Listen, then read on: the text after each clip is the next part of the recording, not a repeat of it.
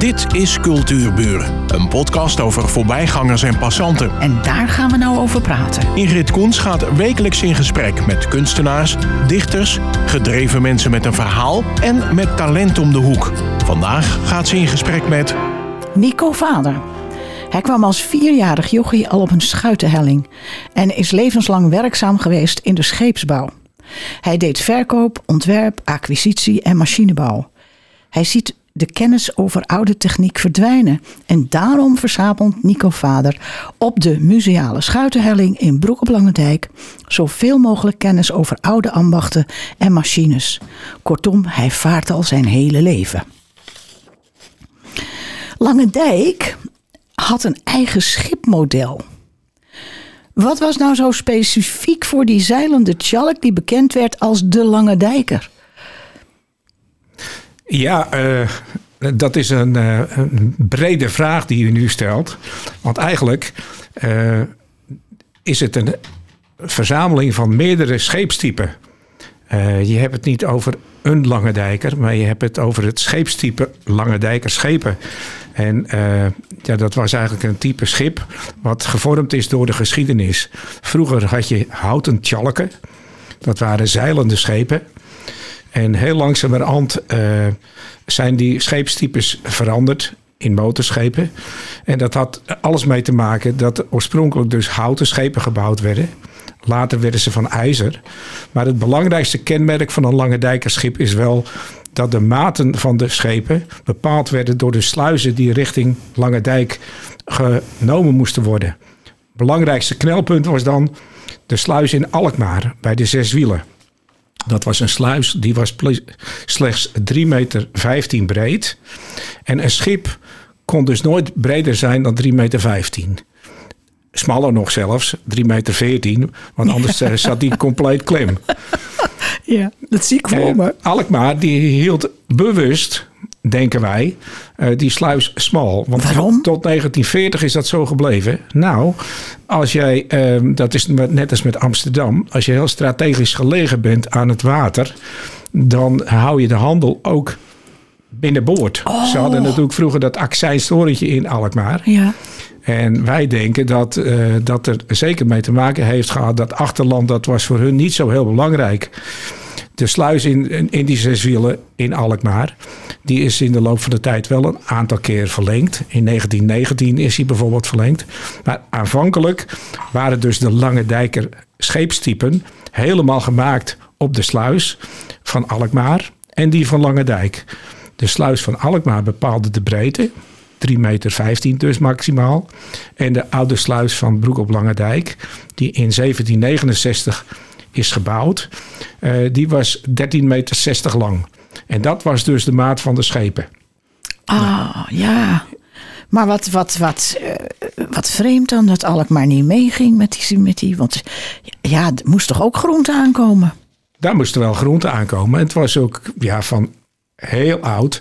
Uh, werd er ook al groente aangevoerd, zelfs via het Geestmer Ambacht, over uh, Sint Pancras. En dan gingen ze dus uh, bij de zes wielen, bij de Horense Vaart, mm. over de overhaal. Oh ja, vertel, hoe werkt dat? Nou, een overhaal. uh, als je het in de buurt, in de, onze omgeving hebt over de zes wielen, bij Alkmaar, dan denkt men allemaal aan de molens van de Horense Vaart. Maar de molens van de Horense Vaart, dat zijn niet die zes wielen die daarmee bedoeld worden. Heel vroeger waren er drie overtomen, drie overhalen. En eh, bij een overhaal had je een schuine helling aan twee kanten bij een niveauverschil in het uh, water. En dan trokken ze dus de boot via rolletjes over die helling heen. En het principe van een tredmolen, dat kent u wel. Dat, ja, is, ja. dat zijn van die grote wielen. Ja. Waar uh, zeg maar hamsters in lopen. Ja. Nou, vroeger, heel vroeger, als je dan zo'n overtoom had, zo'n overhaal, dan had je aan beide kanten van de lier van die overhaal, om dus de boot naar de overkant te trekken, uh, had je twee van die wielen. Dus het en waren de, helemaal geen molens die ze daarmee bedoelden? Dat waren helemaal geen molens. Nee. Dat waren drie van die overtomen uh, die er uh, vroeger waren. En dat ehm, daar relateert nog steeds de naam Zeswielen aan. En ehm, ja, eh, dat is eigenlijk ja, eh, de plek Ja, en van dat het is de naam van, dat, van zo'n overhaal. Ja, ja. Nou, ik moet je eerlijk zeggen, ik heb heel veel over je gelezen en over je gezien. Want er zijn twee hele leuke YouTube-filmpjes. Ja. En ehm, daar staat zo'n overhaal in. En ik moest eigenlijk ontzettend lachen toen ik dat zag. Ja. En het deed me denken aan het klunen bij de, bij de schaatsers. Ja, ja, het overstappen van die, van die dijk. Ja, ja, Maar luister, wat ik me afvroeg, hè. ja. Die eh, schepen, die waren natuurlijk ehm, volgeladen. ja. Maar er kwam er toch een hele kracht te staan. Op zowel die wielen als die dijk waar ze overheen moesten. Ja, nee, dat klopt. Maar eh, oorspronkelijk eh, waren dat ook kleinere scheepjes. Kijk, we- spreken hier eh, in de omgeving van schepen, als het vrachtschepen betreft. Ja. Maar schuiten, zoals bijvoorbeeld hier in de binding in de hal staat. Dat is een schuit, dat ja, is een bootje. beeldje. Ontzettend leuk beeldje, ja. Dat is zeg maar eh, een, een vaartuig van een meter of tien lang, hooguit. En dat was dan geladen met ongeveer drie ton kool, bij wijze van spreken. En dat was nog te doen om dat over de overhaal te halen. Kijk, later, toen ze echt sluizen kregen. Om dus eh, het binnenwater binnen te gaan. Want je moet je voorstellen, voor mensen die het niet weten. eh, Nederland eh, is wel een vlak land. Maar in het water zitten allerlei niveauverschillen. En via sluizen kun je dan met een boot van het ene in het andere niveau komen. Nou, het kanaal Alkmaar-Kolhoorn bijvoorbeeld. Dat is NAP min 40. Eh, dat is de hoogte van het water ten opzichte van die normale Amsterdamspijl. En het Oosterdel en de Bulkenveiling, dat is min 1,45. Dus dat is 1,5 meter verschil. Dan moet je dus door een sluis heen. En eh, met grotere schepen gaat dat tegenwoordig wel. Maar vroeger moest dat dus via de overhaal. En dan ging je met kleinere bootjes. Oh ja, Ja. ja dat snap ik. De, de film waar u zojuist op duidde, dat is de film Lange Dijker Muizen, heet die. Ja, die ja, staat op klopt. YouTube. Die hebben we in 2001 opgenomen om, eh, zeg maar, datgene wat er nog te zien was in het Oosterdel aan oorspronkelijke activiteiten, de tuinders, de schuiten, het kloeten enzovoorts. Alles wat bij de cultuurhistorie hoort van dat Oosterdel. Dat was toen nog volop zichtbaar. Ook de sluis, die werd nog met de hand bediend. Is tegenwoordig hydraulisch. En, eh, maar toen dachten wij van dat moeten we vastleggen. En dat hebben we toen gedaan. En dat is ingesproken door Siem de Haan. Een oorspronkelijke man uit Herengewaard. Die erg met de streektaal bezig was. Ja, het ja. West-Fries. En die heeft het als op zijn West-Fries ingesproken. En ja, dat is best leuk om te zien. Als je de eh, Lange Dijk en Muizen intikt op YouTube. Dan ga je dat vast vinden. En dan is ook eh, met de kleding rekening gehouden, hè? Ja, ja, Dat is zo leuk. Ja, Ja, ja. dat is werkelijk heel bijzonder. Ehm, maar even het kofschip, dat is wat anders. Ja, het kofschip, dat is het eh, oudste scheepje van Lange Dijk. Dat hebben we in 1999 teruggehaald. Nadat het was gevonden eh, elders in Nederland door een voormalige schipper hier uit Lange Dijk. En eh, ja, dat, aan, dat verhaal, aan dat schip zat zo'n fantastisch verhaal. Dat we dachten, dat eh, moet weer terug naar Lange Dijk. En eh, dat was aanvankelijk was er ja, een restant van een schip. Het was nog net niet een wrak. Ook dat kun je op een YouTube-filmpje zien. Ja, er is onlangs een filmpje gemaakt. Dat schip dat bestaat nu namelijk precies 130 jaar. Dat is natuurlijk een enorme leeftijd voor een schip. Maar het bijzondere eh, van dit schip is dat er ook zo'n enorm verhaal aan zit. Het verhaal is namelijk dat, dat eh, de, de, de- ja, het schip is ook gebruikt voor de inpoldering van de Wieringenmeer. Het, is de echt, Aast- het heeft overal heeft het, Het heeft geschreven. overal, eh, Maar luister even, even terug. Dat schip toen het gebouwd werd, was dat ook van hout? Nee, dat was een van de allereerste ijzeren schepen. Wauw. Eh, dus eh, dat is hier ook niet in de omge- eh, omgeving gebouwd. Want hier in de nabije omgeving konden ze ook nog niet in ijzer bouwen. Dat kwam pas later. Dit ding is in 1893 gebouwd in Leiderdorp. En daar waren ze al zo kundig dat ze ijzeren schepen bouwden. En Goed, laten we eventjes door die geschiedenis van het kofschip lopen. Want dat Ja. heette ook niet in het begin het kofschip, hè? Nee, nee, nee, nee. Nou, ik zal het verhaal even eh, kort vertellen. Ja, doe dat. Het kofschip. Eh, in, ah, ah, voor 1893 was er een tuinderszoon uit Waarland, Tinus Bruin.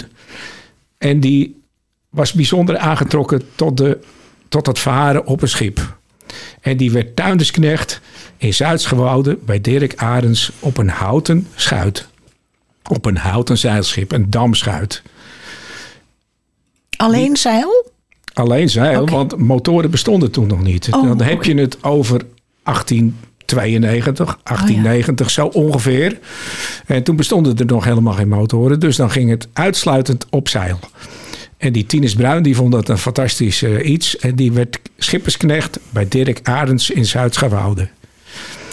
Die Dirk Arends die had ook een dochter, Maatje. En Maatje en, de, en eh, Tinus die werden verliefd. Dat was op zich niet zo'n probleem. Maar wat wel een probleem was, dat ze dat een katholiek en de ander protestant was. Oh. Twee geloven op een kussen, daar, slaapt de, duivel tussen. tussen. Dat was het eh, gezegde. Maar de liefde overwon en Maatje die besloot om eh, katholiek te worden. En ehm, toen ze. En ze- uiteindelijk zijn ze dan ook getrouwd. Maar Tinus die eh, wilde ook verder in het schipperswereldje. Maar die was natuurlijk ook tuinderszoon.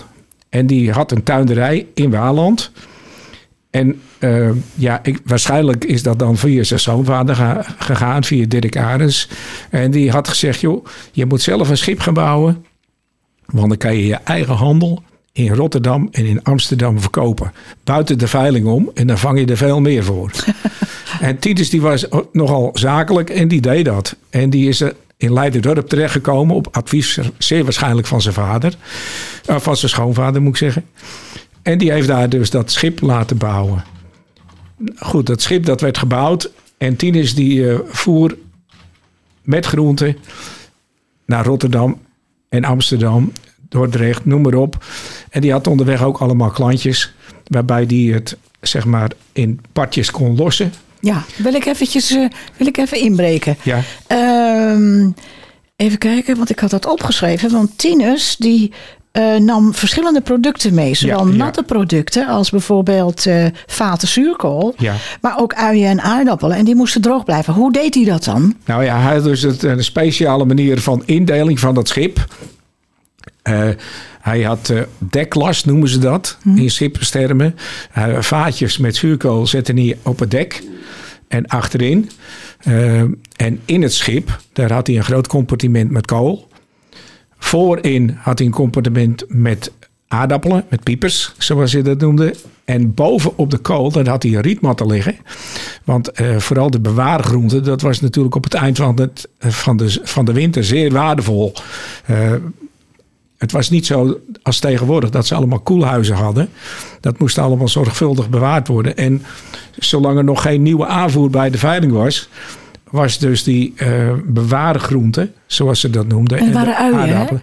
Ja, dat waren aardappelen, maar dat waren ook kolen. En aardappelen, dat bewaarden ze dan in, ja, in koolschuren. Ja. Dat woord zegt het al.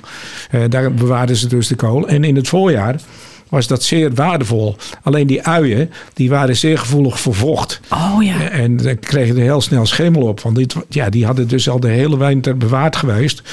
En eh, dan deed hij op die kolen lag je rietmatten. En daar lag je die kwetsbare uien op. eh, voor het vervoer. En dan over zijn luikenkap van het schip Ja. ging nog eens een keer een extra kleed om te zorgen dat het droog bleef. Dus dat was eh, Slim, allemaal. eh, Ja. Slimme Allemaal jongen hoor, werk. die Tinus. ja, en Tinus die nam dus niet alleen maar groenten van zijn, van zijn eigen productie mee, maar ook van andere tuinders. En dat ging je eigenlijk heel goed. En eh, nou ja, dat, dat deed hij dus jarenlang achter elkaar. En in de stille tijd, dat is ook een hele bijzonderheid van het schip, wat met de historie samenhangt. De stille tijd, dat is de periode dat de groente nog op het land stond. En dat er dus geen aanvoer was bij de veilingen. En dus ook geen werk voor schippers. Dan gingen ze naar Kolhorn. Dat lag toen nog aan de Zuiderzee. Later is de Wieringenmeer ingepolderd. Maar dat lag oorspronkelijk nog aan de Zuiderzee. En daar voerden ze, uh, daar visten ze op ansjovis. Toen de afsluitdijk er niet, nog niet was, toen was het IJsselmeer, natuurlijk Zuiderzee. En dat was nog zoutwater. Ja, ja. En in het vroege voorjaar trok dan de ansjovis, dat is een klein soortje haring, trok de Zuiderzee op. En dat was een zeer lucratieve bijverdienste voor schippers. En dan ging in het voorjaar, mei, juni en juli, ging de, uh, huisraad van het hele gezin aan boord van het schip. Dan gingen ze naar Kolhorn toe. En daar vanuit visten ze met een staven Dat is een, een open boot, een visual. En ze woonden dus op het schip. Oké, maar, maar woonde hij dan... Had hij geen huis, Tinus? Of had hij, ja, hij had wel, hij een had, huis? Hij had oorspronkelijk wel een huis in Waaland. Uh, maar eh, voor de visserij gingen ze dan naar Kolhorn. En daar woonden ze aan boord omdat hij langer wegbleef of zo? Omdat hij langer wegbleef. Ja, ja, ja. Gedurende de periode van de visserij. Uh, ja, en uh, dat vissen dat was dus zeer lucratief. Tot 1929, want toen kwam de afsluitdijk. Maar intussen is er wel wat gebeurd. Tinus Bruin, uh, die had dus dat schip. Met Maartje Arends was hij getrouwd. Maar plotseling, in 1915, kreeg Maartje Arends, 42 jaar slechts, een hartvlamming. Hmm. En kwam te overlijden. Tinus was er zo kapot van dat hij het schip ging verkopen. En toen is het schip verkocht aan Cornelis Boot uit Zuid-Scharwoude. Het is wel kras. Die heette ook Cornelis Boot. Ja. Maar dan met een D. En uh, die kocht dus dat schip. En dat was ook een zoon van een schipper die oorspronkelijk met een houten zeilschip had gevaren. En die ging op dezelfde manier te werk. Die vervoerde dus wel specifiek alleen maar vanuit groenteveilingen, Noordscharwoude en Broek op Langendijk. Want wij denken dan dat um, het museum de Broekerveiling de enige veiling was. Hm. Nee, dat was niet zo. In Noordschouwoude was ook een veiling. En dat was aanvankelijk dichter bij Waland natuurlijk. Dus daar vandaan vervoerde hij ook uh, producten naar de steden. En in de stille tijd, de nieuwe eigenaar dus, Cornelis Boot... die um, vervoerde uh, uh, groenten en ging ook vissen in het voorjaar. Drie maanden per jaar. En die woonden dan ook aan boord.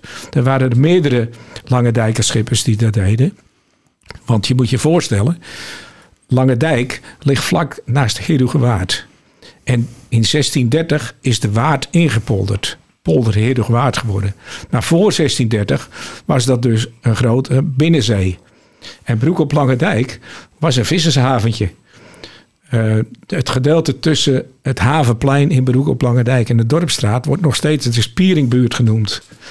En ik heb uh, een heel mooi schilderij gemaakt door Klaas ten Bruggekaarten. Zeg maar de oprichter van het uh, tankstation wat we hier in Langendijk allemaal wel kennen. En die wist uit overlevering van zijn vader en zijn grootvader precies hoe dat zat. En die heeft daar een heel mooi schilderij van gemaakt. Dat is ook in dat filmpje wat op YouTube te zien is, ook allemaal te zien. Ja. Um, maar toen kwam die afsluitdijk. Dan gebeurt er weer wat met dit schip, hè? Ja, precies. Nou ja, door die afsluitdijk uh, werd dus dat IJsselmeer gecreëerd. En werd het IJsselmeer zoet water. Toen was het dus gebeurd met die zeer lucratieve uh, bijverdiensten van schippers. En dat was ongeveer, ja, dat 1929, 1930. En het ging toen met de schipperij al niet zo goed meer. Want je moet je voorstellen, er kwam steeds meer transport over de weg.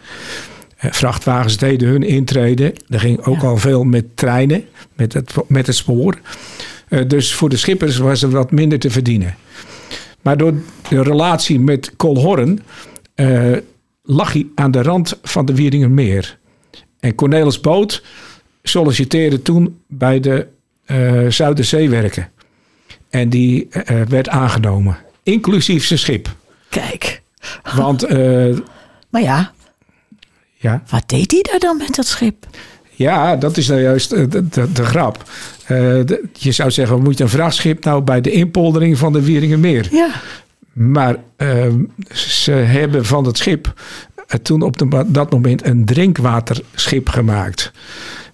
ze hadden dus dat schip waarmee ze visten. En waar ze dus die drie maanden per jaar op woonden. Ja, Ze hadden er ook, zoals ik verteld heb, een visual bij. ja. Nou, de visual die werd omgebouwd als, als sleepbootje.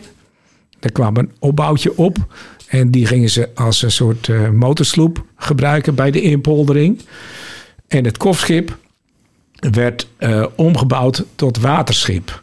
Toen Hoe ze, moet ik me dat voorstellen? Nou, je moet je voorstellen dat een, een, een, een, eh, een vrachtboot, dat heeft een groot ruim. Ja. Nou, in dat ruim hebben ze aan de voor- en achterkant hebben ze een waterdicht schot erin gemaakt, gelast. En dat hebben ze gecementeerd. Daar hebben ze een papje gemaakt van Portland met zand. Eh, dat- dat- je moet je voorstellen, als je nou een oude betonmolen ziet, er zit er zo'n koekrand in, allemaal van cement. Ja. Nou, dat maakten ze dus bewust aan. Eh, zand met cement. En daar smeerden ze de hele binnenkant van het schip mee in. Inclusief die twee schotten die ze erin gemaakt hadden. Dus dat wordt om te zien een grote betonnen bak, bij wijze van spreken. En daardoor was het geschikt om drinkwater op te slaan. Kijk, je moet je voorstellen, die mensen die dus op de bodem van die pas gecultiveerde polder werkten. eh, die, die waren aan het draineren, die waren slootjes aan het maken. Want je, op een gegeven moment hadden ze een dijk om die Wieringmeer heen gelegd.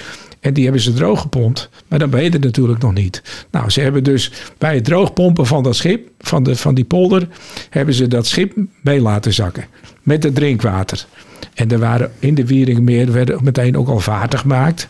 eh, vaarwegen. En ehm, ja, die, die werkers in de, op de bodem van de Wierikkermeer, die moesten natuurlijk toch drinken en wassen. dus kijk. het, het schip is toen gebruikt voor drinkwatervoorziening. Oké. Ja, ja, dus dat is een, eh, een hele bijzondere eh, eh, ja, gebruik eigenlijk. Heel slim ook, hè, van die Cornelis. Ja, ja, ja, ja, nou ja, dat zal allemaal in overleg gegaan zijn met, het, met de ja, maar goed, je zit met Ja, een boot, je ja, zit ja. met weinig, eh, weinig eh, werk. Ja, ja. En dan kijken om je heen waar je, dan nog, eh, waar je dan nog wat kan doen. Ik vind dat heel slim van hem, Ja, hoor. ja, ja, ja. ja nou ja, dat is na de drogeling van, van de Wieringermeer is het schip verhuisd eh, met het Zuiderzeewerken mee naar de Noordoostpolder. Want ook de Noordoostpolder, daar hebben ze dus eh, aan meegewerkt. En het eiland Urk, dat weet u misschien, dat ligt pal naast de Noordoostpolder. De Noordoostpolder is een hele diepe polder van maar liefst vijf meter diep. Oh, En het eiland Urk had aanvankelijk zijn eigen drinkwatervoorziening. Met regentonnen en een grote regenput op de kerk in Urk. Maar door die polder die pal naast dat eilandje lag. Dat was natuurlijk gewoon een bult met zand, dat eiland. Is al dat grondwater weggezakt in die nieuwe polder. Dus de drinkwatervoorziening van het eiland Urk. Dat was na de aanleg van de eh, Noordoostpolder en de Afsluitdijk, want daar hadden ze ook al een probleem mee gehad. Aanvankelijk was het natuurlijk allemaal zoutwater en toen werd het zoetwater. Dus ja, dat, eh, daar was een heleboel eh, gedoe over. Nou, dat kofschip heeft ook twee jaar lang het eiland Urk als het drinkwaterschip van eh, drinkwater voorzien. oké. En jij hebt het in 1999 weer teruggevonden en gered. Ja, een oud eh, schipper van Langendijk, die vond hem. En die herkende het model. En dat kreeg ik te horen. En ik dacht bij mijzelf, het zou toch eh, doodzonde zijn... dat het schip, eh, waar zo'n fantastisch verhaal aan zit, eh, verloren raakt. En toen ben ik naar Zwartsluis gereden, waar dan lag hij. En eh praatje gemaakt met de eigenaar. En eh, toen hebben we een prijs afgemaakt. En ik heb hem ja, het was eigenlijk nog maar een restant van een schip. Teruggehaald naar Langendijk. Met het idee, als het eerst maar in Langendijk is, dan eh, zien we wel verder. Maar toen we, werden we zo enthousiast. En door alle verhalen die toen loskwamen, dat we het helemaal hebben gerestaureerd. Nico, de tijd is om. Oké. We zijn eigenlijk nog lang niet klaar. Ik heb geen vraag kunnen stellen, maar het verhaal is geweldig. Kijk op de website en kijk op, eh, op de YouTube-filmpjes. Want het is werkelijk de moeite waard om daar eens naar te kijken. Heel fijn dat je er was. En de volgende keer gaan we verder. Oké. Dit was Cultuurbuur. Een podcast van Ingrid Koens en Streekstad Centraal. Bedankt voor de aandacht en tot de volgende Cultuurbuur.